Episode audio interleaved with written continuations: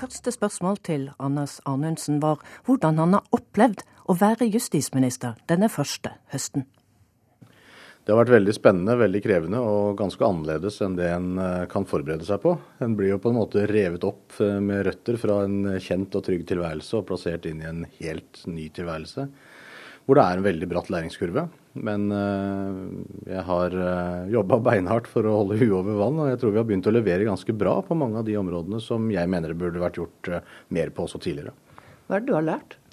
Ja, Det er veldig mye, så da tror jeg vi trenger mer enn et kvarter. Eh, men det hele tilværelsen som statsråd er veldig spesiell. Du er veldig på veldig mange av sakene, men du er nødt til å velge sjøl å være på. Du er nødt til å bidra inn i de sakene som departementet jobber med tidlig. Og så er jeg, må jeg si, jeg er veldig imponert over et embetsverk som er veldig profesjonelt og faglig sterkt.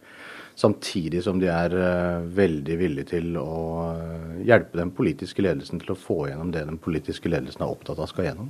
Hva har det vanskeligste vært med å gå fra å være opposisjonspolitiker i Stortinget til å være statsråd? Jeg vet ikke om jeg vil si at det er så mye som har vært så veldig vanskelig, men det er veldig uvant. Eh, og det er krevende på en litt ny måte. Ja, Hva er uvant? Du får en helt ny tilværelse. Er, eh, her har jeg hjelp rundt meg til eh, veldig mye, og det er en veldig veldig sterk grad av tilrettelegging. Jeg, mistet, jeg har jo mista kontrollen over egen kalender og styrer veldig lite av den hverdagen selv. Jeg har måttet skaffe noen sånne tenkerom eh, imellom, fordi en skal jo drive fram politikken og de politiske prosjektene på en skikkelig måte. Er det sånn at du er mer tilbakeholden når du faktisk mener noe, har lyst til å si noe om noe? Nei, egentlig ikke så veldig. Men det er klart at det tar litt lengre tid å løse ting når du sitter i opposisjon, nei, i posisjon enn når du sitter i opposisjon. Den tilværelsesendringen er, er markant. Men forskjellen er jo at du denne gangen kan få endringer til. Eh, jeg pleier noen ganger å si litt sånn eh, festlig at uh, nå har vi stått og, og, ropt i opposisjon i årevis, og nå er det plutselig noen som lytter. Og Det betyr at en er nødt til å være tydelig på hva en kan levere når en kan levere. Så det å finne den balansen mellom tydelighet og realisme er, eh, er veldig viktig. Og Jeg tror det er noe denne regjeringa egentlig har klart ganske bra. Men det er klart at eh, det er veldig få ting du kan løse over natta. F.eks. så har jeg overtatt et kriminalomsorgssystem som eh, er sprengt. Det er ikke tilgang på varetektsplasser. Vi har 98 belegg i fengslene våre. Og det tar veldig lang tid å bygge nye fengsler. Hvis vi hadde bestemt oss for å bygge et nytt fengsel i dag, så hadde det kanskje stått ferdig om åtte-ti år. Og da må du løse de utfordringene løpende, eh, for vi kan ikke leve i en sånn situasjon i åtte-ti år. Men tror du Fremskrittspartivelgerne er tålmodige nok til å se det som du ser, at eh, ting tar tid? Ja, det tror jeg. Fordi at eh, Fremskrittspartivelgerne har venta i 40 år, mange av dem på at vi skal få gjennom politikken vår.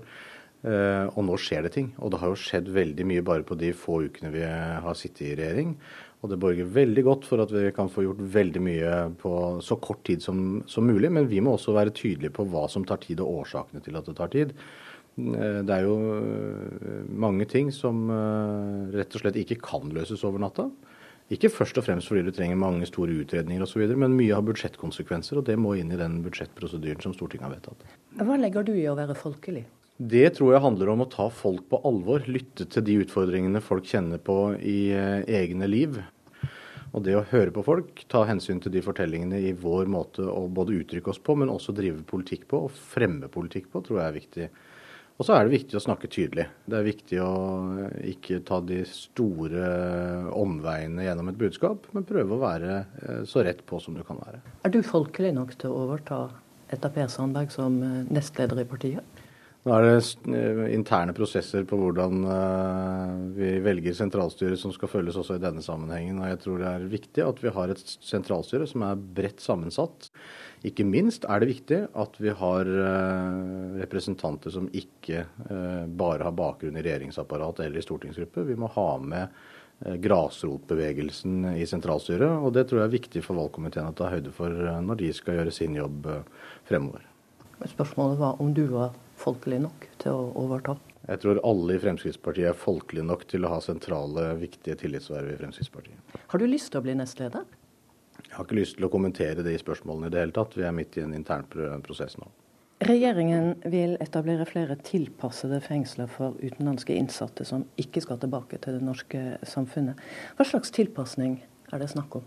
Det som er forskjellen på fengsler for utenlandske statsborgere og norske statsborgere, er jo at det perspektivet med tilbakevending eh, faller bort. Altså integreringsperspektiv og opplæringsperspektiv i en viss grad. Så du kan ha et annet tilrettelagt eh, fengselstilbud for de som skal ut av landet etter endt soning. Eh, utover det så vil jo eh, forskjellen på en måte ikke være så veldig stor, annet enn at det er nødvendig å, eller det er lettere da å differensiere tilbudet til de ansatte for å dimensjonere det etter hva de faktisk trenger og ikke trenger. Eh, men vi tar med oss de erfaringene som vi har fra det tilbudet vi, til utenlandske fanger nå. Det som er et viktig perspektiv i dette bildet også, er jo at vi ønsker at flere av de utenlandske fangene skal sone i hjemlandet. Vi jobber hardt for å få til mer smidige overføringer til, eh, og soningsoverføringsordninger til fangenes hjemland. Rett og slett fordi det vil både bidra til å øke fengselskapasiteten i Norge, men samtidig så vil en også slippe en del av de byråkratiske hindrene som vi i dag står oppe i. Det tar hvis ikke jeg husker feil, så tar det 416 dager eller noe sånt, tror jeg, fra en starter en soningsoverføringssak til en kan eh, overføre en eh, utenlandsk fange til hjemlandet, det er eh, et system som er eh, veldig rigid og vanskelig å forholde seg til. Så vi prøver nå å jobbe inn bilaterale, samtaler, bilaterale avtaler, hvor vi kan få dette raskere gjennomført. Den rød-grønne regjeringen jobbet også for flere soningsoverføringer. I fjor ble 48 innsatte sendt til hjemlandet for soning.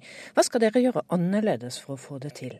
Ja, det er en del uh, regler rett og slett som hindrer en effektiv uh, soningsoverføring. Det som kan være tiltak, er at vi inngår avtaler om delvis finansiering av fengselsopphold, i den grad vi kan få til det, og ha bilaterale avtaler som uh, styrker vår mulighet til å få til soningsoverføringer i forhold til det internasjonale avtaleverket som vi for øvrig bruker. Det internasjonale avtaleverket har noen bestemmelser ved seg som gjør det mer komplisert å drive soningsoverføring enn det som er nødvendig. Både på norsk side, men også på mottakerlandets side, i tillegg til at det er krav til straffens lengde og gjenværende lengde når eh, soningsoverføringen skjer. Så er det jo sånn at eh, det er ikke helt unaturlig at mottakerlandet ikke legger seg i særland for å få tilbake eh, egne borgere og sette dem i fengsel, for det er egentlig bare en utgift og en kostnad for mottakerlandet. Eh, og Derfor er vi nødt til å se på modeller som kan stimulere til at de, de vil eh, ta imot sine egne borgere. Og Det kan f.eks. være gjennom ulike økonomiske bidrag, f.eks. Innvandring og asyl er en av FrPs hjertesaker, og nå må dere også bli enige med KrF og Venstre eh, for å få satt politikk ut i livet. Hvordan skal du unngå å stå i spissen for en litt utvannet Fremskrittspartipolitikk på det området? Jeg tror at alle våre velgere forstår at Fremskrittspartiet med 16,3% ikke klarer å styre norsk politikk akkurat i den retningen vi selv skulle ønske. Derfor er vi avhengig av å inngå kompromisser med alle de andre partiene som vi samarbeider med. Det tror jeg går veldig bra. Eh, men det betyr jo at vi ikke får gjennomslag for Fremskrittspartiets politikk i ett og alt. Men eh, du kommer til å se veldig klare Fremskrittspartispor når vi sammen med de tre andre partiene er enige om gjennomføringen av eh, felles samarbeidsavtale på asyl- og innvandringsfeltet. Flere lukkede asylmottak er eh, kostbart. Blir det noe av? Ja, ja, vi har jo lukka mottak. Ja, Men blir det den utstrakte bruken av dem som dere har tatt til orde for? Ja, Nå jobber vi jo med utforming av den konkretisering av avtalen, men avtalen sier jo helt klart at vi skal bruke lukka mottaksplasser i større grad enn i dag. Så det er åpenbart at eh, det blir noe av. Og så må vi se på utvidelsesmuligheter på Trandum hvis behovet melder seg. Akkurat nå så er det ledig kapasitet eh, på Trandum lukka mottak. Men vi er nødt til å tilpasse den situasjonen eh, behovet etter hvert. Hvis en øker bruken av lukka mottaksplasser, så betyr jo det også at eh, en kan ha behov for flere av dem. Samtidig så er det viktig å vite at eh, veldig mange av de som sitter på Trandum, sitter i veldig kort tid. Lukka mottak blir ofte brukt som en kort mellomstasjon på vei ut av Norge. Og når vi nå skal returnere betydelig flere enn den forrige regjeringa var i nærheten av å tenke seg en gang, så er det klart at behovet for lukka plasser vil bli noe større fremover enn det det har vært før. Den rød-grønne regjeringen jobber også for å få eh, returnert flere. Det sitter 5000 nå i asylmottak som, eh, som, ikke har lovlig opphold. Hva skal dere gjøre som de ikke gjorde, for å få ut flere? For det første så bruker vi mer penger og mer ressurser på å sende ut mennesker som ikke har lovlig opphold i Norge. Dette er tidligere asylsøkere som ikke har noe i Norge å gjøre, som burde reist eh, uten å bli pressa ut av landet. Eh, for det andre så gjennomfører vi en rekke tiltak på informasjonssida for å både forbedre sammenheng i asylkjeden, sånn at du ikke får inntrykk av at det er frivillig om du reiser etter du har fått endelig avslag eller ikke. Det har jo hittil blitt kalt for frivillig assistert retur. Det er jo ingenting frivillig med det. Du skal reise ut, og det må være en sammenheng. Hvis du nekter å reise ut, så må det være en sammenheng, sånn at du raskt kommer tilbake. Og Vi tror at den nye mottaksstrukturen hvor vi skal etablere retursentre med fokus på retur, vil bidra til å lette gjennomføring av returer. For det er én hovedårsak til at tidligere asylsøkere ikke eh, blir returnert, og det er at de nekter. Det er ingen tidligere asylsøkere, muligens med ett unntak, eh, som ikke blir returnert til hjemlandet hvis de selv medvirker til det. Vil dere prøve å få til flere avtaler bilateralt? For det er jo land som ikke vil ta imot uh, folk som har søkt asyl i Norge hvis de ikke kommer hjem frivillig. Ja, Vi jobber hardt for å få til bedre og flere avtaler. Det er en komplisert oppgave. Vi jobber jo nå i disse forhandlingene med de tre andre partiene for å finne praktiske løsninger på hvordan vi kan stimulere land som har vært motvillige til å ta imot uh, egne borgere. Man har altså i utgangspunktet en forpliktelse til å ta imot uh, ens egne borgere. Hvilke land uh, jobber dere for å få en uh, avtale med? Ja, Vi jobber konkret med de landene som vi har flest asyl, tidligere asylsøkere fra, som ikke har returnert. Men det er et arbeid som er litt tidkrevende. Noen avtaler har vi allerede på plass, men gjennomføringsviljen har vært litt varierende, for å si det sånn. Så vi er i dialog med flere land for å sikre at vi får bedre returavtaler. Og så eh, må vi også her eh, våge å, å tenke litt utradisjonelt. Men eh, vi jobber nå med, med en del av den gjennomføringa i disse samtalene med Høyre, Fremskrittspartiet, Kristelig Folkeparti og Venstre. Hva mener du med utradisjonelt? Ja, med det så mener jeg at vi må finne løsninger som uh, kanskje er litt utafor boksen i forhold til det tidligere regjeringer har tenkt. Også, kan du konkretisere det? Hvis jeg kunne det, så hadde jeg gjort det allerede. Og det, og Grunnen til at jeg ikke kan konkretisere, er jo at dette er jo ting vi nå diskuterer. Jeg kan ikke diskutere det med NRK før vi har landa det i disse samtalene. Hva er de viktigste tiltakene eh, for å få et tryggere Norge for folk flest? Jeg tror det er ett tiltak som er det aller, aller viktigste, og det er å tenke helhet. Eh, I altfor stor grad tidligere har vi vært vant til å slukke små branner rundt omkring i hele straffesakskjeden f.eks. Eh, mens denne regjeringa vil tenke helhet og se på hele straffesakskjeden i sammenheng for å få en, en sammenhengende eh, situasjon fra politi til og med fengsling og iretteføring. Så det å tenke helhet fra eh, forebygging via etterforskning, påtale, domstoler og kriminalomsorg er ekstremt viktig. Et eksempel på det er jo nå at uh, Norge er mindre trygt fordi det ikke er tilgang på varetektsplasser f.eks. Enkelte steder opplever politiet enten å måtte kjøre ekstremt langt for å få en varetektsplass, eller å måtte slippe ut andre varetektsfanger uh, for å få satt inn en ny. Det er en situasjon som er helt uholdbar, og som påvirker hele straffesakskjeden. Fordi det er veldig ressurskrevende, og du uh, risikerer å ødelegge etterforskningen i de sakene hvor du ikke får varetektsfengsla folk. Eh, så det er et av de viktigste tiltakene, tror jeg. Nemlig å løfte blikket litt, tenke helhet og se sammenhenger. Men ville dette slå an i en valgkamp for å få folk til å føle seg tryggere i gatene? Ja, jeg har nå i hvert fall reist rundt hele Vestfold og sagt akkurat det. Fordi jeg mener det er ekstremt viktig. Det nytter ikke å løse små problemer når du egentlig har ett stort.